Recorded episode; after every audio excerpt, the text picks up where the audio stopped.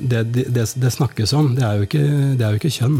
Altså, vi, vi, kan jo ikke bytte kjønn. Altså, man snakker jo som om man kan det, men vi kan jo ikke det. Altså, det kjønnet er du født med, på en måte. og det, det, må man forholde seg til på den ene eller den andre måten. Men altså, vi må ikke, vi må ikke slutte å snakke sant da, om hva, hva kjønn er. Du hører på Minerva-podden, en podkast fra nettavisen Minerva. Sakene våre finner du på minerva.no. Minerva-podden er en podkast fra avisen Minerva. Det er gratis å lytte til Minerva-podden, men det er ikke gratis å lage avisen. Hvis du vil støtte Minerva, kan du tegne abonnement ved å gå inn på minerva.no abonnement, eller du kan vippse oss penger for å vise at du setter pris på podkasten, til mediehuset Minerva. Velkommen som abonnent. Velkommen til Minerva-podden. Jeg er Alexander Ibsen, nyhetsredaktør i Minerva. Hva sier naturvitenskapen om kjønn? Hvor mange kjønn finnes det egentlig? Dette er spørsmål som behandles i en helt ny bok som tar oss med tilbake til livets begynnelse og besvarer en av biologiens største mysterier. Boken heter helt enkelt To kjønn og er skrevet av deg, Glenn Peter Setre, utgitt på Kagge forlag. Glenn Peter, Hjertelig velkommen hit. Du er professor ved Universitetet i Oslo i universitetsbiologi. Velkommen. Tusen takk. Først av alt så vil jeg gjerne gi en stor anbefaling til denne boken. Den gir en effektiv innføring i en av biologiens store spørsmål, og da et som har blitt gjenstand for mye debatt og diskusjon den siste tiden. Helt innledningsvis, Glenn Peter, kan du forklare hva kjønn er? Ja, altså når vi tenker på kjønn, så tenker vi kanskje på veldig mye forskjellig. Og kanskje litt avhengig av hvem du spør, så vil du kunne få forskjellige svar. Men altså, hvis, man, hvis, tenker, hvis vi tar det biologiske, da, det helt primære, så er jo kjønn en måte å formere, altså involvert i en måte å formere seg på. Altså, eh, vi har ulike måter organismer formerer seg på. Du har f.eks. bakterier som eh, formerer seg ukjønnet ved at eh, bakteriecellen rett og slett deler seg i to. Mens kjønnet formering det involverer da to ulike individer kommer sammen og utveksler eh, kjønnsceller som smelter sammen og danner utgangspunktet for det nye livet. Så det er jo på en måte det som er det grunnleggende. Da. Og så har det igjen da hatt uh, utallige konsekvenser opp gjennom evolusjonshistorien for masse andre trekk som vi også forbinder med, med kjønn. Og Når du sier når en organisme formerer seg ved bare deling, mm. så er det ingen endring. Altså, da er det jo en slags klone som bare videreføres. Ikke sant. Og i boken så forklarer du en del om hvor, hva som fordelen er. Altså den evolusjonære fordelen er med tokjønnet formering. Mm -hmm. Bare Forklar kjapt, hva, hva er det den består i, denne fordelen? Ja, Den er ikke helt lett å forklare, faktisk. For det at uh, ukjennet formering, f.eks. For sånn bakteriene gjør, er uh, veldig mye mer effektiv. Altså, du, du, slipper jo å lete etter en partner? Det er én ting. Og så er det Altså, du, du masseprodu kan masseprodusere deg selv over veldig kort tid. Det, altså det, vet vi jo med, når vi blir syke, f.eks. Så er det jo enorme mengder bakterier som produseres på veldig kort tid. Eh, mens eh, kjønnsformering er en veldig omstendelig, tungvint prosess. Det er to individer involvert, og de må ikke bare finne sammen, men det er jo et sånt spill. ikke sant? Den ene kanskje er interessert, men den andre nøler litt, og så blir det ingenting. Og så må man lete videre, og det kan ta lang tid. Og, og når man først, eh, først kommer sammen, så, så, er det jo masse komplekse ting som skjer med celler som skal finne hverandre og smelte sammen, og så er det ja. Så det er en tungvint måte å formere seg seg på.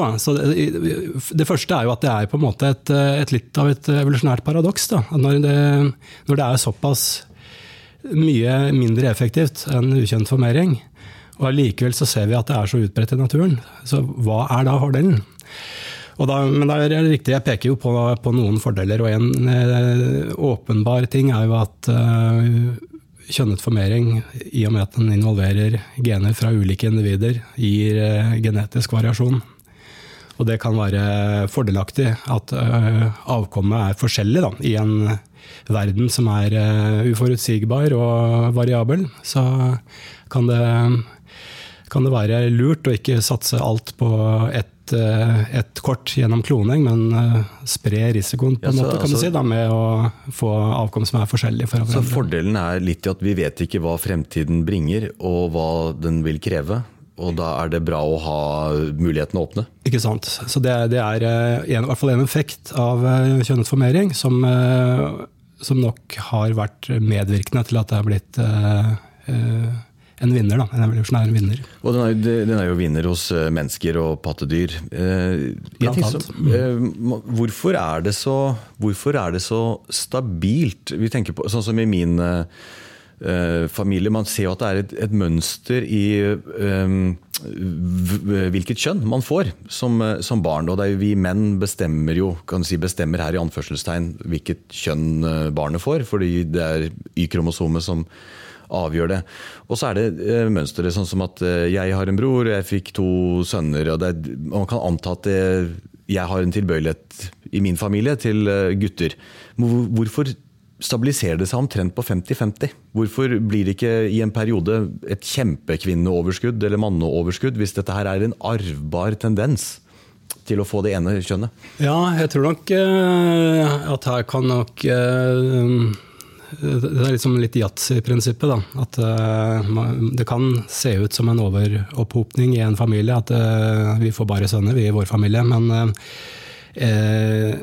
som regel så er det nok bare tilfeldige variasjoner. Så det er ikke en sånn tendens, tror man? Nei, altså det er altså det, Segregeringen av eh, kromosomene den er jo slik at den eh, i utgangspunktet skal være eh, 50-50, da. Så kan det være små variasjoner, ikke sant. At eh, kanskje det er litt, en liten kjønnsforskjell i overlevelse tidlig, tidlig i livet. Så små, små ting. Men altså, det er, det er både, både at det finnes da mekanismer for at det blir like mange av hver, eh, av altså mm, hvordan eh, kromosomene fordeler seg når de eh, segregerer kjønnsceller. Eh, Men så er det jo også evolusjonært fordelaktig da, at, eh, at det er like mange av hver. Altså Hvis det er sånn at eh, i en bestand da, at du får en sterk overvekt av det ene kjønnet, la oss si at det er eh, nesten bare, fødes nesten bare eh, jenter. Da får de jevnaldrende guttene det fint? ikke sant? Men, eh, mens eh, altså, foreldrene til disse jentene de, de får jo ikke så mange barnebarn nødvendigvis. Da, for veldig mange av disse jentene vil jo da ikke finne seg en partner, og, og dermed ikke bringe noe gener videre. Sånn at de, derimot de eh, foreldrene med, som har produsert sønner, de vil få masse barnebarn, fordi sønnene har ingen problemer med å finne partner. Sånn at eh, evolusjonært sett så er det er det en eh, si, stabil balanse, da, at det er like mange der. ja, tenderer mot uh, balanse. Du skriver i, i boken din uh, noe som virker å være en ganske ny teori innenfor biologien omkring hvordan virus har, kan ha hatt en rolle i å utvikle denne tokjønnsmodellen i eh, cellestrukturen. Eh, jeg vet ikke helt om jeg forsto den. Eh, går det an å forklare den enkelt, denne, denne teorien? Ja, altså Nå snakket vi jo litt om fordeler med, med kjønnet formering. Allikevel så er det jo, som, jeg innledet med, en veldig kompleks prosess. Da. Så egentlig, så det er ikke sånn at kjønnet formering kan ha oppstått ved en enkel mutasjon, og så har den liksom konkurrert med ukjønnet formering og så har vi vunnet fram. Det er jo mange evolusjonære endringer som må til for at det skal ende opp på kjønnet formering. Og hver av de endringene må ha vært fordelaktig. Og eh, det vi etter hvert har funnet ut, det er at den overgangen fra eh, ukjønnet formering til kjønnet, altså den sammenfaller for det første da mellom den gruppen som bakteriene tilhører, eh, og den gruppen som vi tilhører, prokaryoter versus eukaryoter. Og overgangen fra de to typene, fra ukjønnet til formering til kjønnet, og fra prokaryoter til eukaryoter, den har foregått mye raskere enn det vi eh, trodde tidligere. Så vi er altså nødt, nødt til å finne en, eh, en forklaring på hvordan denne komplekse kjønneformeringen kan ha utviklet seg eh, over, over nå et veldig mye kortere eh, tidsrom enn det vi hadde til rådighet, eh, trodde vi tidligere. Og eh, En teori da, det er at eh, så En forskjell da, på bakterier, andre prokaryoter og oss og andre eukaryoter, det er at vi har en cellekjerne. Så inni cellen vår så har vi en, en, en kjerne som er omsluttet av en membran, og inni den kjernen så finner vi kromosomene våre. Og våre kromosomer de ser annerledes ut enn bakterienes kromosomer. Våre kromosomer de er, si, de er lineære, altså de har en begynnelse og en slutt. De kan ligne på bokstaven I, f.eks. Mens bakteriekromosomet det er eh, sirkulært. Det ser ikke ut som en, et hjul eller en, eh, en, O, men eh, den har ingen begynnelse og en slutt. Altså den, jeg kan tenke på som en litt sånn slapp gummistrikk eller noe sånt. ikke sant? Mm. Og greia er at vi ser da, når vi, noen typer store DNA-virus angriper eh, celler, f.eks. en amøbe, så ligner, veldig, ligner da amøben plutselig veldig på en, en, av våre celler. Altså dette viruset det kapsler seg inn i en membran som ligner på cellekjernen og, og dens membran. Og dessuten, disse virusene de er ulike bakteriene ved at kromosomene deres er lineære og ikke sirkulære. Så altså, virusenes kromosomer ligner mer på våre enn, eh, enn på bakterienes. Så teorien er da rett og slett altså at et, eh, et slikt virus for eh, om lag to milliarder år siden angrep en, en slik prokaryot, en bakterielignende celle, og tok permanent bolig i, i cellen. Og har da inkorporert denne vertsorganismens DNA i sine kromosomer inne i cellekjernen. Og altså det har blitt en permanent eh, bestanddel av for hver generasjon så bringer vi smitten videre. Ikke sant. Og, og i, i, det, altså, i, dette her da, så er eh, altså kjønnet formering er, er tanken da at den uh, oppsto som en del av dette virusets spredningsstrategi. Altså den manipulerte vertscellen sin til å komme sammen med en annen celle, slik at uh, viruset kunne kopiere seg og overføres til den nye cellen. Og så har det derfra uh, utviklet seg uh, til kjønnet formering. Da. Egentlig med ganske små justeringer. Eh, altså det, det, er ikke så mye justeringer som skal til fra en sånn virusspredning til det kjønnsformering faktisk er, da, med med disse celledelingene og hvordan kromosomene oppfører seg i forbindelse med kjønnscelledelingen. Så denne har jo vært en stor suksess, denne tokjønnsmodellen. Vi finner den overalt i naturen. Eh, hvis det er en fordel å ha variasjon, hvorfor har det ikke oppstått en eh, tre-fire kjønnsmodell i visse arter? Da vil du få kjempevariasjon. Hvis du har, at du ha, for å få forplantning, så må du ha en tre-fire ulike individer som bidrar. Ja. Ikke sant. Altså alle prosessene i forbindelse med kjønnet formering er binære prosesser. Altså det involverer celledelinger, hvor én celle blir til to, aldri til tre eller fire. Og den inneholder eh, eh, prosesser hvor kromosomer fra to individer interagerer og utveksler tråder og sånt. Og DNA er et binært molekyl. Så alle de prosessene som inngår i kjønnformering, det er binære prosesser. Og, og, og, i det så ligger det nok rett og slett eh, beskrankninger eller begrensninger for evolusjonens mulighetsrom. Da. Altså, eh, det er veldig vanskelig evolusjonært når arvemolekylet er binært å lage en, eller evolvere en celledeling som ikke er binær, men, men triær, eller hva, det, hva, det, heter. Da. Ikke sant? Så eh, det er én grunn, da. At eh, eh, alle komponentene av kjønnsformering er binære prosesser som kan spores tilbake til eh, DNA-ets binære struktur. Altså det, den består jo da av to kjeder ikke sant, som som kopieres til to nye kjeder i forbindelse med celledeling. Så det, det er én del av, av, svaret. Eh, men så er det, jo, altså det er jo mulig å ha eh, kjønnet formering med to foreldre, men uten at kjønnene er forskjellige. Det, det finnes. Det er, da er vi i altså, andre altså. Altså når, når, når kjønnet formering eh, utviklet seg aller først, så, så, var det neppe sånn at uh, kjønnscellene til de ulike individene var uh, ulike. Altså Hvis vi ser hvordan f.eks. Uh, planktonorganismer formerer seg kjønnet, så lager de kjønnsceller, men kjønnscellene til individene er like. Ja, riktig. For det er jo en ting med, Hvis vi tar oss uh, mennesker, så Jeg tar vel ikke feil når jeg sier at uh, kvinner produserer det største cellen Ikke som sant? mennesker. Egg- eggcellen, og altså- sædcellen er vel det minste? Ja, ikke sant? Og det, det er sånn vi definerer kjønn da, i biologien. Altså når, når kjønnene er eh, forskjellige, differensierte, så er det alltid, alltid den grunnleggende forskjellen eh, kjønnscellenes størrelse. Så, Men så på, på, Hvis vi går til mennesker, altså eh, på kjønnsceller så lager kvinner den største menneskecellen, og menn den minste. og Det er det som differensierer oss. Og Innen biologien, du skriver også om det i boken, så har vi med eh, kjønnsdiformisme å gjøre. Det er, det er da et begrep som forklarer hvor forskjellige kvinner og menn er. kjønnsdimorfisme. Dimorfisme, selvfølgelig.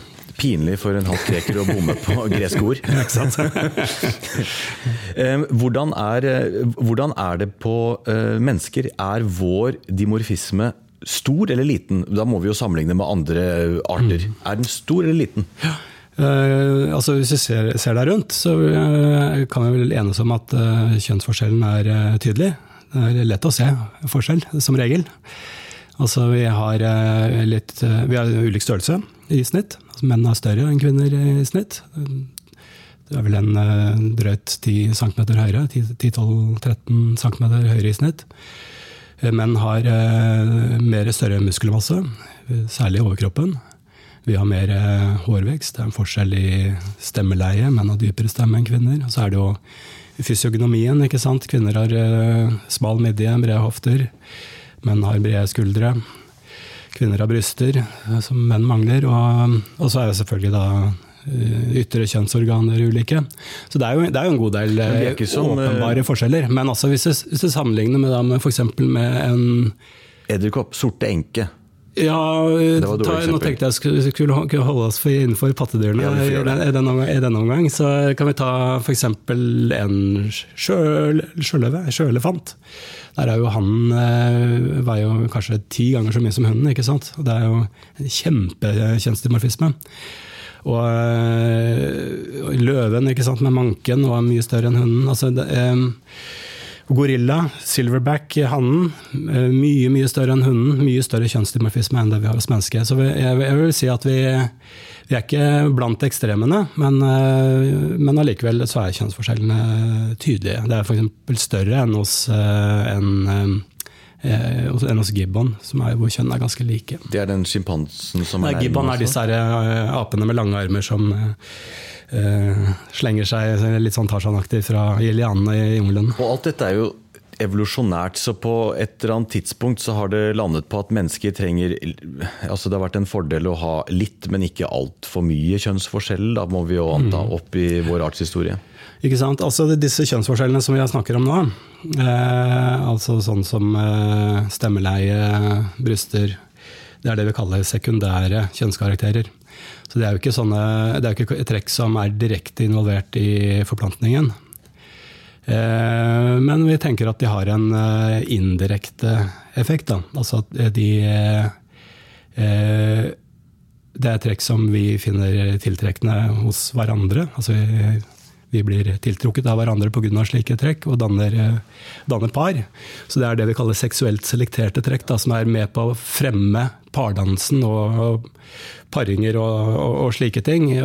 Sånn at det indirekte er med på å fremme forplantning. Da. Ja, det, dette er jo et konsept som Charles Darwin selv slet med. Eller han lanserer ideen om seksuell seleksjon. Det er riktig. Og det er jo ikke tvil om at den finnes rundt oss i naturen. Vi ser at påfuglhundene vil ha en påfugl med en ganske så stor fjærpryd, som ikke har noen andre fordeler enn i paringssammenheng. Altså det er jo å, hei, å slepe rundt på denne sopelimen i eh, urskogen har ingen annen praktisk fordel. Nei, heller motsatt, ikke sant? Heller motsatt, det er et handikap. Men opp gjennom menneskets historie, hvis vi forholder oss ikke til eh, ja, Eller vi tar, eh, kan gå langt tilbake også. Hvor mye, eh, hvor mye valgfrihet har det egentlig vært? Jeg tenker på sånn Mennesker eh, bor i samfunn og i strengere samfunn hvor eh, svigerfar bestemmer hvem du gifter deg med, og da også forplanter deg med. Da. Arrangerte ekteskap. altså Dette går jo på tvers av enhver sek- seksuell seleksjon, vil jeg tro. Eller er i hvert fall tar ikke hensyn til sånne spørsmål i det hele tatt. Hva, hva, tenker du om det? Eller hvordan, hvordan, tror du det har vært?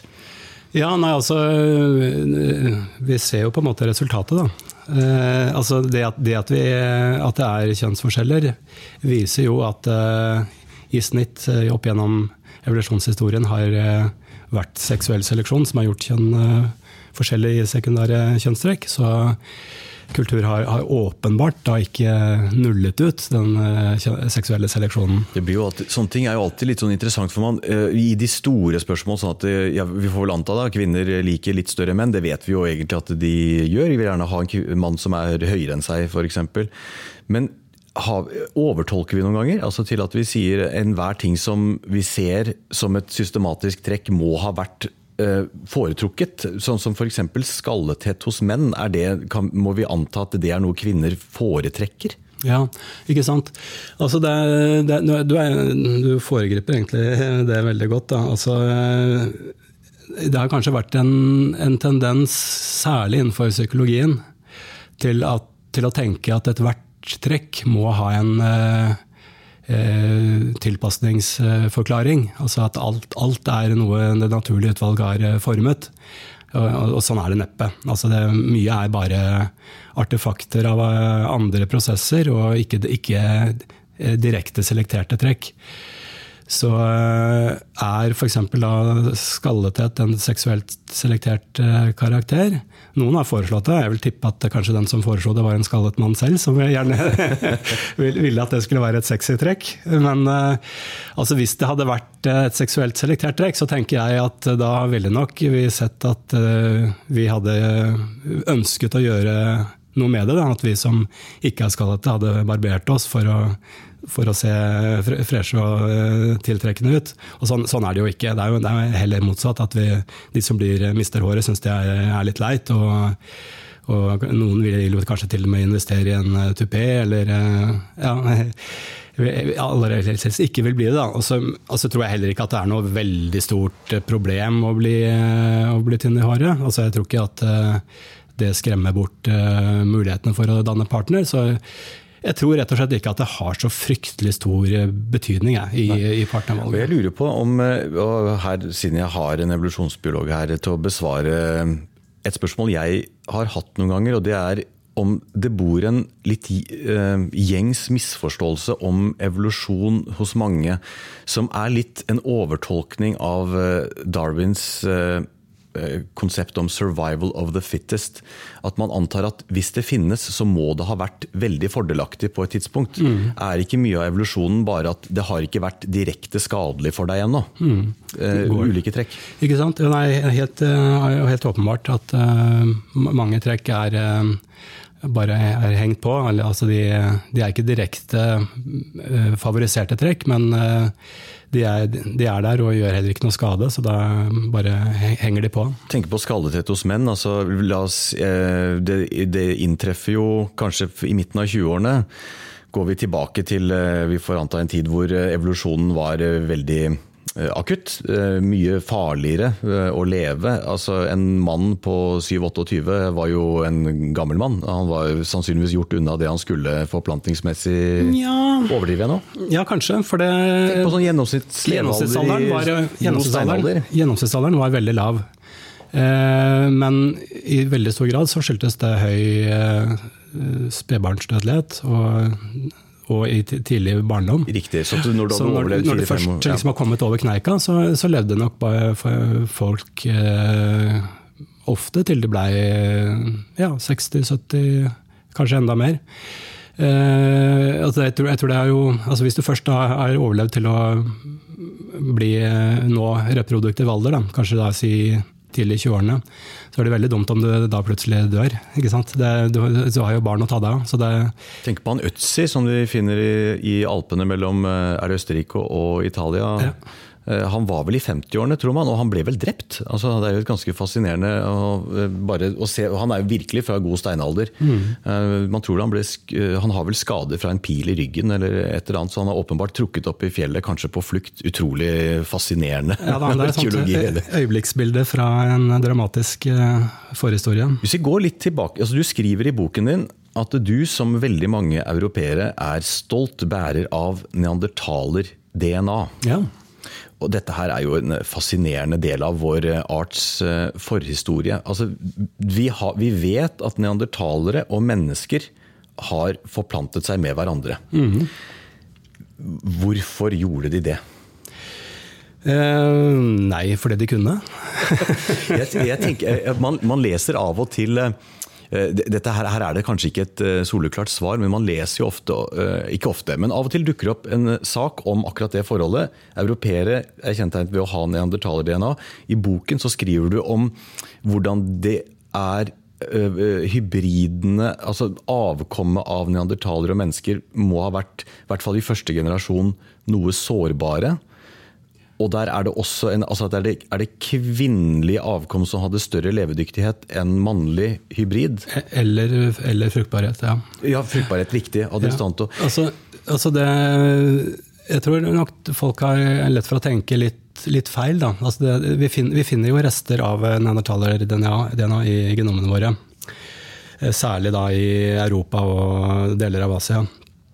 Eh, men hvis vi, når vi begynner å regne på det, altså hvor mye, hvor ofte skjedde dette her, og hvor mye eh, hybridisering var det egentlig snakk om, så, så, så, var det ikke voldsomme greier, altså. Det, så få, eks, få, ja, altså, Et regnestykke da, altså med mange antakelser, selvfølgelig, så er estimatet at uh, det vi bærer med oss, det er, kan forklares ved én eh, suksessrik eh, hybridisering hver 77. generasjon. Så det er veldig små tall. Eh, og grunnen til at de tallene er små, det kan jo være det, flere. En, en, mulighet er jo bare at eh, de menneskegruppene levde i, i stor grad eh, hver for seg, og i liten grad interagerte, og dermed også det var få sånne møter? Rett og slett, rett og slett få, få, møter, ja.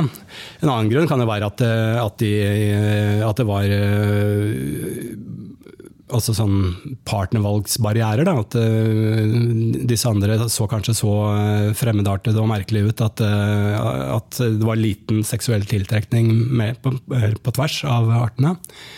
Eh, også det siste er jo da at eh, hybridene som ble dannet, eh, hadde enten lav overlevelse eller fruktbarhet. Og det, ja, sånn det var mange ja, eksempler, men det ble sjelden en vellykket eh, Ja, ikke sant. Altså det, det jo, altså hva den faktiske miksen her var, det er jo vanskelig å rekonstruere. Men det vi i hvert fall kan si med sikkerhet, det er at det var problemer i hybridene, og særlig hos sunnhybridene. Og det kan vi se ved å sammenligne hvilke gener det er som vi bærer med oss. Så vi, det er mange, mange, steder i genomet hvor vi har neandertaler-DNA.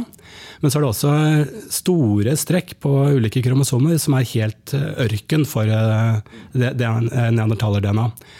Og ikke minst er det er X-kromosomet, kjønnskromosomet, det er en slik ørken. Og særlig da gener som er eh, uttrykt i testiklene hos menn. De er helt fraværende. Vi har ingen nanotale-varianter i det hele tatt av slike gener. Og det er jo da typisk eh, et tegn da på eh, handelig sterilitet hos hybridene. De, den genutvekslingen som skjedde, må ha skjedd via fruktbare hundehybrider. Ehm, dette er jo ikke direkte altså Dette angår jo kjønnsspørsmål. Jeg får alltid en eh, Når jeg eh, kommer over eh, diskusjoner omkring dette med neandertalere og mennesker har møttes Jeg har en følelse av at her er ikke, dette er ikke søt elskov, sannsynligvis. Altså er, hvis man vet hvordan de samfunnene levde, neandertalerne i mindre grupper, mer påvirket av innavl, Eh, isolerte grupper. Menneskene var flinke til å eh, samle større sosiale samfunn, egentlig.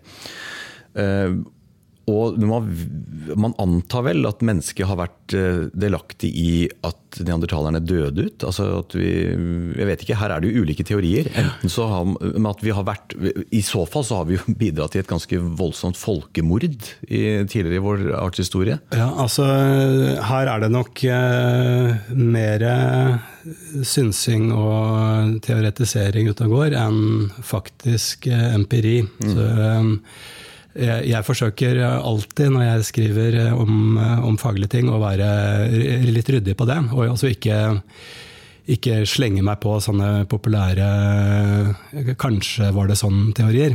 Så, så jeg, jeg, vil egentlig bare backe tilbake her og si at dette her vet vi veldig lite om. Hvordan interaksjonene faktisk var.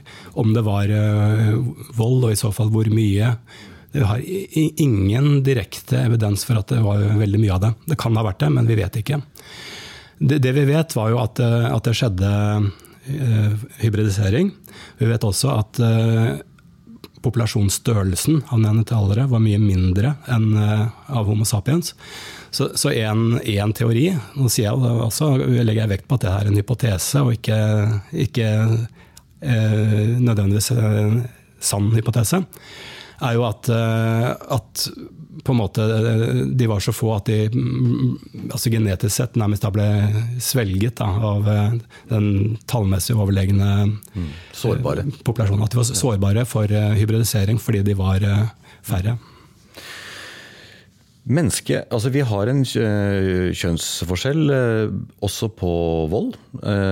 De fleste voldshandlinger begås av eh, menn, også i dag. Men mennesket som art er vel mindre voldelig enn de fleste andre eh, dyr. Også pattedyr. Nærstående store aper, f.eks. Altså- tyr, mye, tyr i større grad til vold. Sammenlignet med f.eks. Uh, sjimpanse, som er uh, vår nærmeste nålevende slektning, så er vi jo snille som lam, ja. Mm.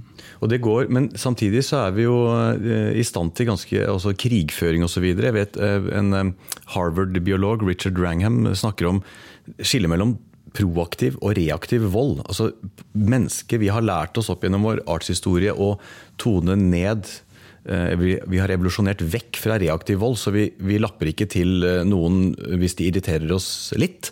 Men samtidig så kan vi mønstre store hærer for krig noe andre dyr ikke kan. Er vi, I sum er vi mer eller mindre voldelige enn en andre dyr? Altså det, jeg er helt enig med Wrangham der, at det er eh, påfallende hvor uh, fredelige vi er. Altså man snakker jo om en, en sånn selvtemmingsprosess, nærmest. Altså at vi har gått fra å være ville og aggressive til å, oppføre oss skikkelig mot hverandre, kan du si. Da. Så at, altså, den, si, den, den, sosiale evolusjonshistorien til mennesket er jo åpenbart et veldig spennende tema. hvor det hvor det er mye vi ikke helt uh, forstår, men også mange mye spennende teori, bl.a. som du nevner han Wrangham. Mm. Kvinner og menn i dag så får eh, i Norge rundt Så vi, eh, antar vi at rundt 8-10% av kvinner ikke vil få barn. Eh, men tallet for menn er mye høyere. Mm. Opp mot 25% Har dette noe å si evolusjonsmessig innenfor vår tokjønnsmodell? Vi, og dette har vel vært også gjentatte ganger opp gjennom historien perioder hvor langt færre menn får avkom enn kvinner. Ja, Det her er jo, skal vi si, smør og brød til den seksuelle seleksjonen, dette her. Altså, denne kjønnsforskjellen eh, gjør at konkurransen om partnere blir eh, sterkere hos, eh, hos, menn. Og det har seg da utslag på, på trekk som er eh, seksuelt selekterte. Så f.eks. er jo da jevnt over. Altså, altså partnervalget hos mennesker er jo en toveisprosess, åpenbart. Altså, det er jo ikke sånn at uh, det er ikke sånn som hos uh, tiur, hvor uh, tiuren flotter seg, og så er det røya som står for valget. Det er, det er en toveisprosess. Men allikevel så er nok, er det, er, er nok Sier både empirien og jeg tror også magefølelsen til de fleste at, at kvinner er nok litt mer kresne. Altså de er stiller litt, sterkere, litt strengere krav til eh, hvem de vil inngå et partnerskap med, mens eh, menn er litt mer sånn eh, ja, ikke like, like, kritiske, da.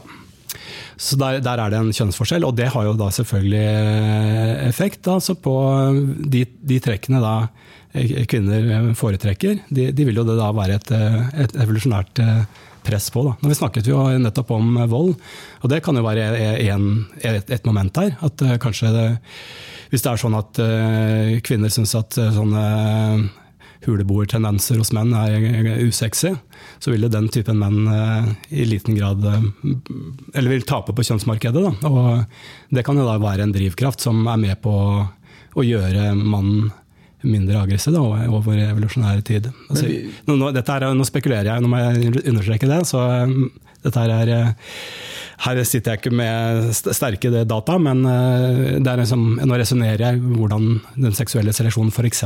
kan operere. Men, vi, med, med, moderne medisin hvor vi klarer å ta vare på de fleste, og så kan vi også gi eh, forplantningshjelp og, eh, i, og, ta vare på folk og sørge for at de får eh, barn. Mm. Sånn at I teorien så hadde, er vel mennesket nå i stand til å bare avslutte evolusjonsprosessen og si at eh, alle skal få og alle skal videreføres, eh, eller?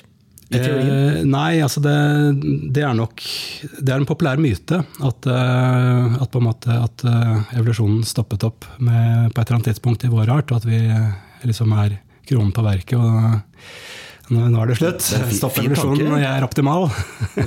men, nei, men det, er, det, er, jo ikke sånn. Altså det er fortsatt det er, det er, jo riktig da, at vi, vi, er jo med på å, å dempe den si, brutale delen av den naturlige utvalg. Altså at færre dør unge. og vi gjør alt vi kan for å hjelpe folk å, som ønsker det, og til å få barn osv. Men eh, f.eks. er det jo en, en ganske sterk eh, seleksjonsmekanisme på embryonivå på eh, spontanabort. Altså det er et veldig vanlig fenomen. Altså at eh, embryoer, altså veldig små eh, mennesker altså Før de er blitt det, vi kan kalle et foster en gang altså, Hvis det da er genetiske eh, misdannelser og, og, den slags på embryoet, så vil, vil det aborteres. Der, altså, der, er det en veldig sterk seleksjon. Da, på, altså, de som eh, vokser opp eh, gjennom hele svangerskapet og, videre. Og, de som sorteres ut på et tidlig tidspunkt. Det er en veldig eh, potent eh, seleksjonsarena.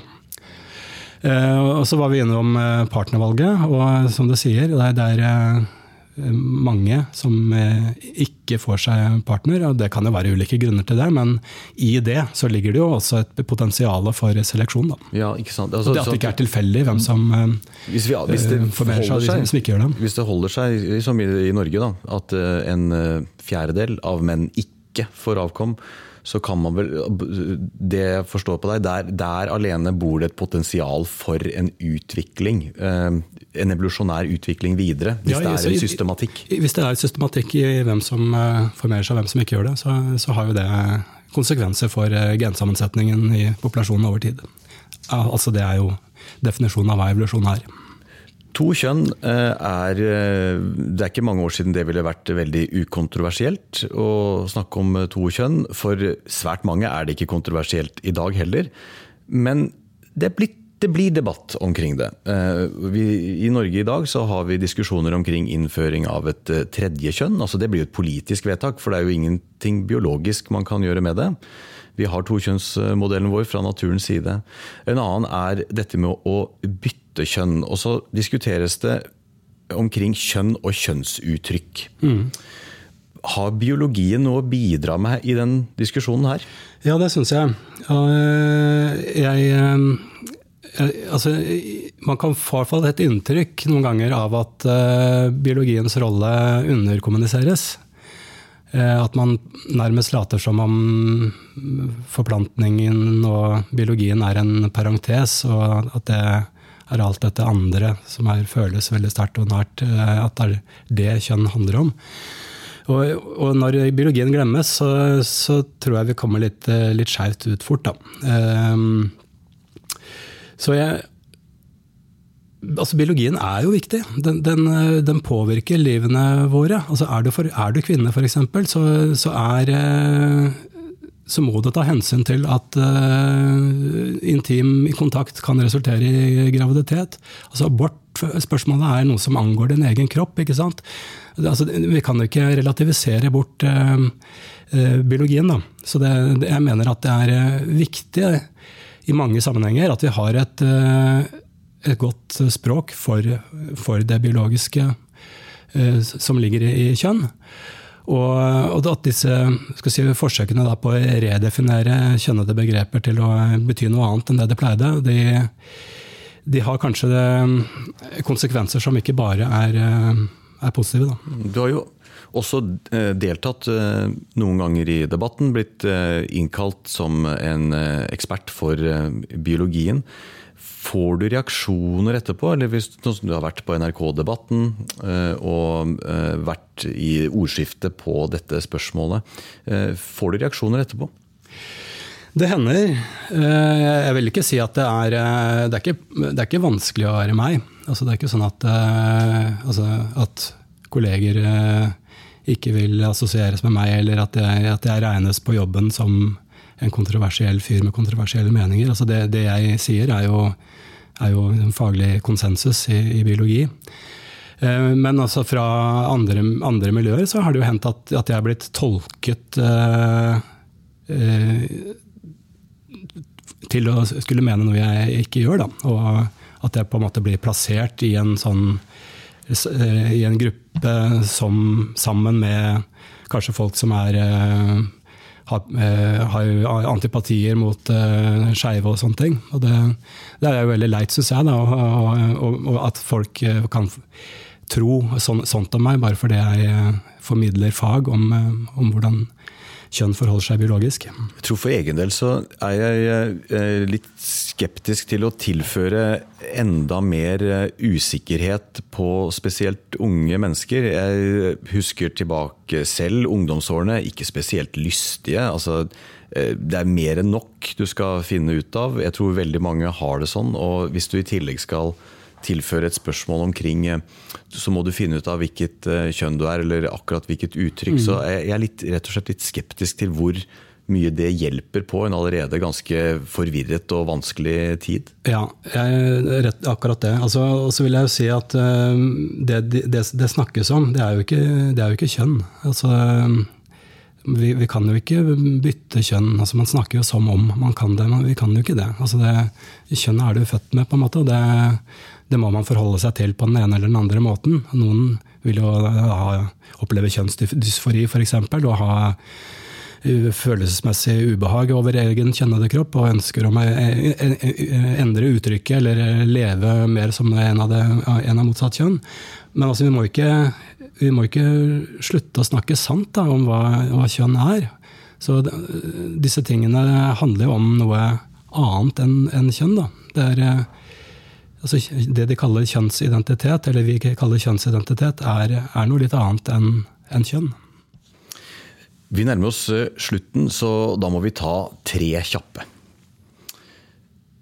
Hvem er mest pysete når det gjelder smerter? Kvinner eller menn? Ja, det er eh, pågående sterke påstander begge veier. Kvinner føder, ikke sant, og eh, fnyser av manflu og, og sånne ting. Men kvinner er mer pyste når det gjelder smerter. Det er, eh, vinner vi denne her? Den vinner vi. Men det skal sies, når eh, i løpet av graviditeten og når den nærmer seg fødsel, så skjer det fysiologiske ting som gjør at kvinner tåler smerte mye bedre. Så eh, kroppen forberedes på en fødsel, og de får en, en, mye, altså en helt annen smerteterskel når, når de skal inn i å, å føde. Så tåler, det tåler de eh, godt. Så de, de, har nok litt rett der, at eh, skulle vi blitt satt til å føde og oppleve de smertene de opplever i forbindelse med det, så hadde vi slitt, vi òg. Ja, altså Ut fra min svært begrensede erfaring fra hele fødselen, så, så, glemmer jo kvinner mye av eh, hele opplevelsen òg. Mens vi stakkars menn som må være der, vi husker den ganske godt. Det er ganske voldsomt. Enig. Eh, nummer to, hvorfor vi, eh, Alle som lytter kan nå ta frem hånden sin. Eh, hvorfor er den nest lengste fingeren hos de fleste kvinner pekefingeren? Altså nest lengste fingeren pekefingeren, mens det er ringefingeren hos de fleste menn.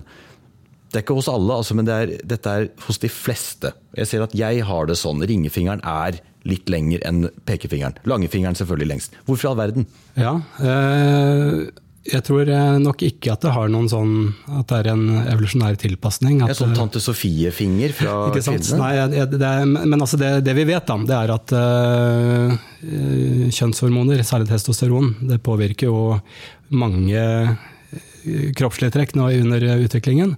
Og en sånn sideeffekt er at det også har en påvirkning på fingerlengde. Så det er, et, si, et artefakt av at øh, menn er- erfarer mer testosteron i utviklingen enn kvinner. Men det, er, det har ingen fordel verken for overlevelse eller forplantning. Nei, det, det er vanskelig å finne fram til. Siste. Hvorfor har menn svakere lukt- og smakssans enn kvinner? Den er eh, mer eh, Der er jeg mer i tvil, i stuss. For der, der er det ikke en sånn enkel eh, sammenheng med hormoner. Det er ikke sånn at uh, vi kan liksom linke det til uh, progesteron eller østrogen eller eh, sånne ting. Og det er ikke sånn at kvinners uh, smakssans og luktesans endrer seg i menstruasjonssyklusen eller gjennom kjønnsutviklingen. Så det- den er mer, mer en permanent kjønnsforskjell, da, som får meg til å tenke på at her kan det kanskje ligge noe uh, tilpasningsmessig i det. Hva den tilpasningen bunner i, det, det vet jeg ikke. Eller vi vet ikke. Men én ting som har vært luftet, da, det er at det kan ha med, en med den forskjellen i kresenhet i partnervalget å gjøre.